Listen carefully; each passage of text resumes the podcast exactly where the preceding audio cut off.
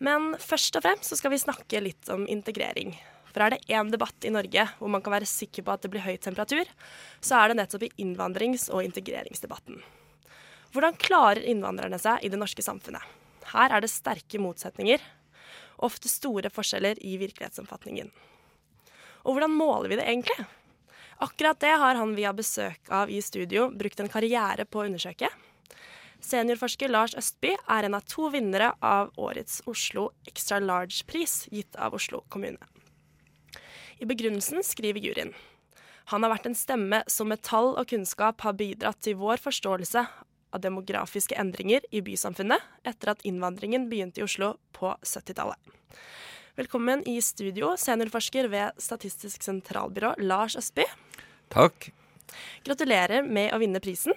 Jo, takk skal du ha. Hvorfor tror du egentlig at du vant den?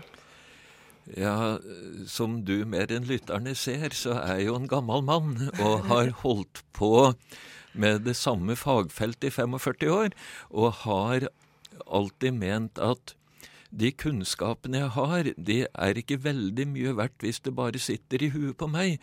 De må deles med de som har bruk for kunnskapene. Og de siste 30 åra har det vært eh, hovedsakelig knytta til innvandring og integrering. Og Sjøl om jeg ikke er veldig aktiv og produktiv, så blir det etter 30 år ganske mange ganger man har vært ute i offentligheten eller i kontakt med Oslo kommune da, og hjulpet dem med et faktagrunnlag for de beslutningene som de tar.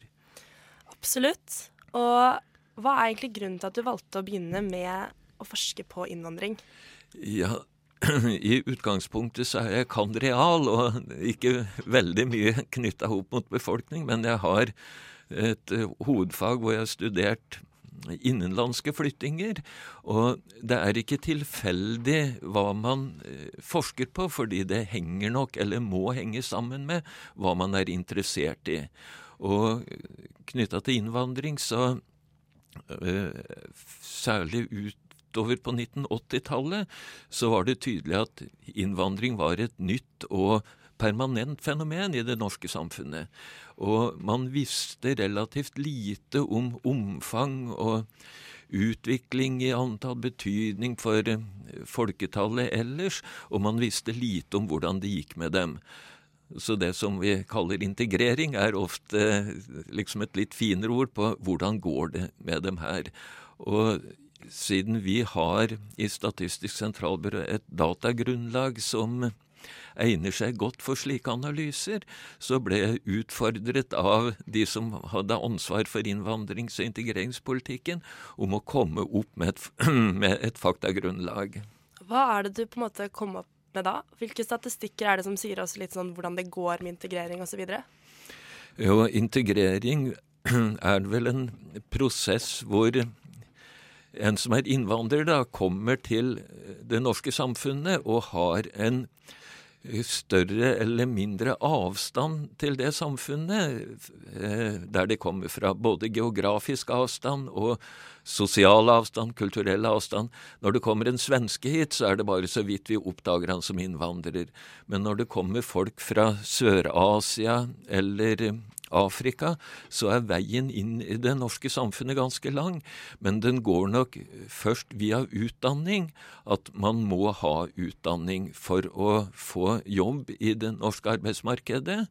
Og øh, overgangen fra utdanning til jobb er ikke bare enkel, men tross alt de fleste får en jobb. Ikke nødvendigvis som de er kvalifisert for, men de får en jobb. Og dermed så får de en inntekt å leve av. Og for meg er det vanskelig å se en innvandrer som integrert hvis innvandreren permanent er avhengig av offentlige overføringer.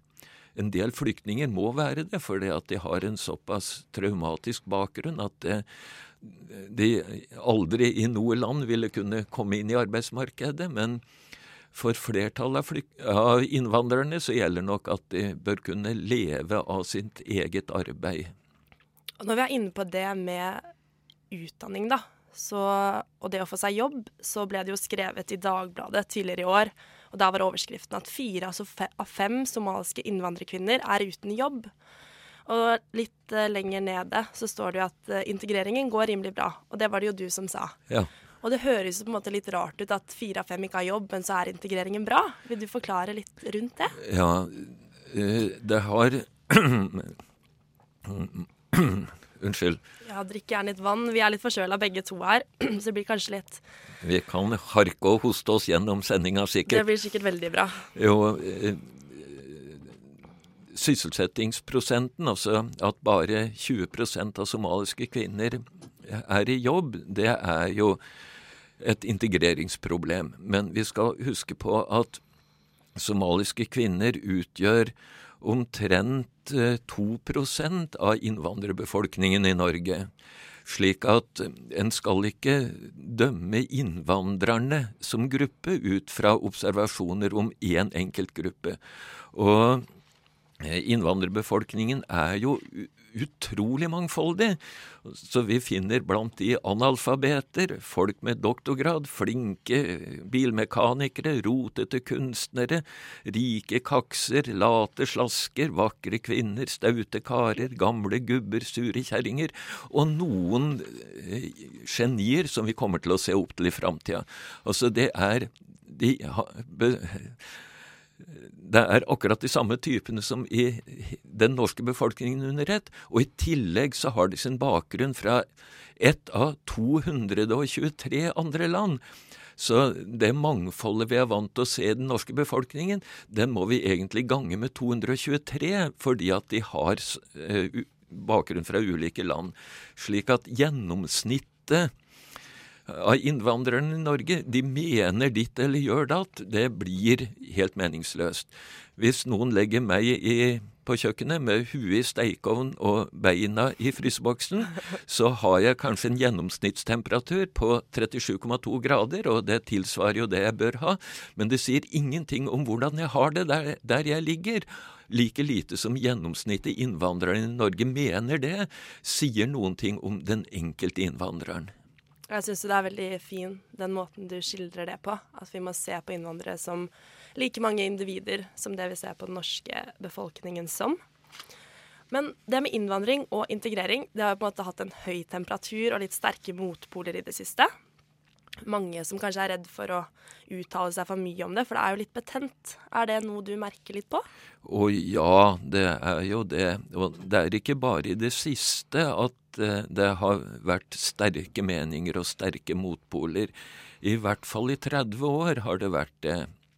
Og det er et felt med veldig sterke meninger på godt og på vondt.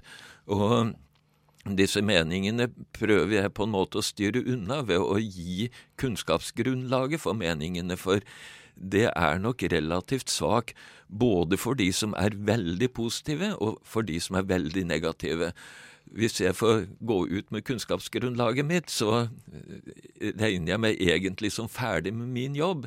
Men folk eh, tenker nok ikke akkurat slik som meg. Jeg la en gang fram tall som viste at eh, jenter som var født i Norge av pakistanskfødte foreldre, altså jenter eller kvinner i 20-åra, de fikk akkurat like mange barn som gjennomsnittet av kvinner i Norge i 20-åra.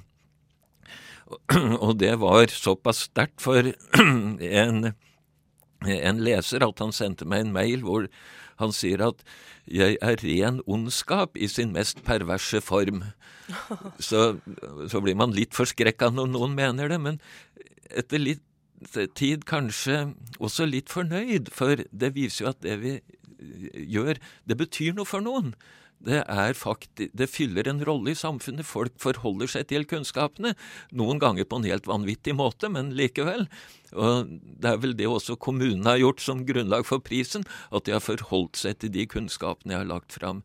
Det er kunnskapene og ikke meningene.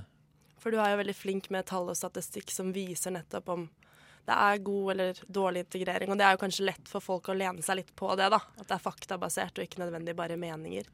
Ja, det bør, jo, det bør jo være det. Og uh, på den annen side, det er jo ikke rent tilfeldig hva jeg jobber med.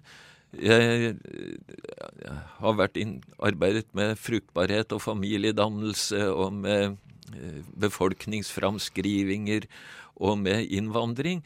Og det er jo fordi at jeg er genuint interessert i menneskene. Og når det gjelder innvandrerne, så mener jeg nok at eh, gruppa som sådan ikke fortjener å bli møtt med fordommer av, av, noen art, og særlig ikke fordommer som er basert på myter. Så det å prøve å knuse noen av de mytene som har vært, det, det har jeg nok regna som viktig da, og det er jo ut fra en interesse for at disse menneskene fortjener ikke å bli møtt med fordommer. Det er jeg veldig enig i, og det er jo godt at du har fått en slik pris, og at Oslo kommune setter pris på det arbeidet du har gjort. Eh, tiden den løper litt ut for oss her. Men tusen hjertelig takk for at du ville komme til oss. Eh, Lars Østby, det var fint å ha en liten samtale med deg. Ja, jeg kom jo fra Statistisk sentralbyrå og ville gjerne legge til at 14.12. så kommer vi med et temanummer av dette gode tidsskriftet Samfunnsspeilet, som tar opp flyktninger og asylsøkere med utgangspunkt i den situasjonen vi hadde i fjor. Så prøver vi å forstå hvordan har det gått med andre tilsvarende flyktningegrupper. For igjen er særlig syriske flyktninger man møter de med ganske sterke forventninger, men det går an å lære av fortida. Det skal vi huske på. Tusen takk, Lars Østby.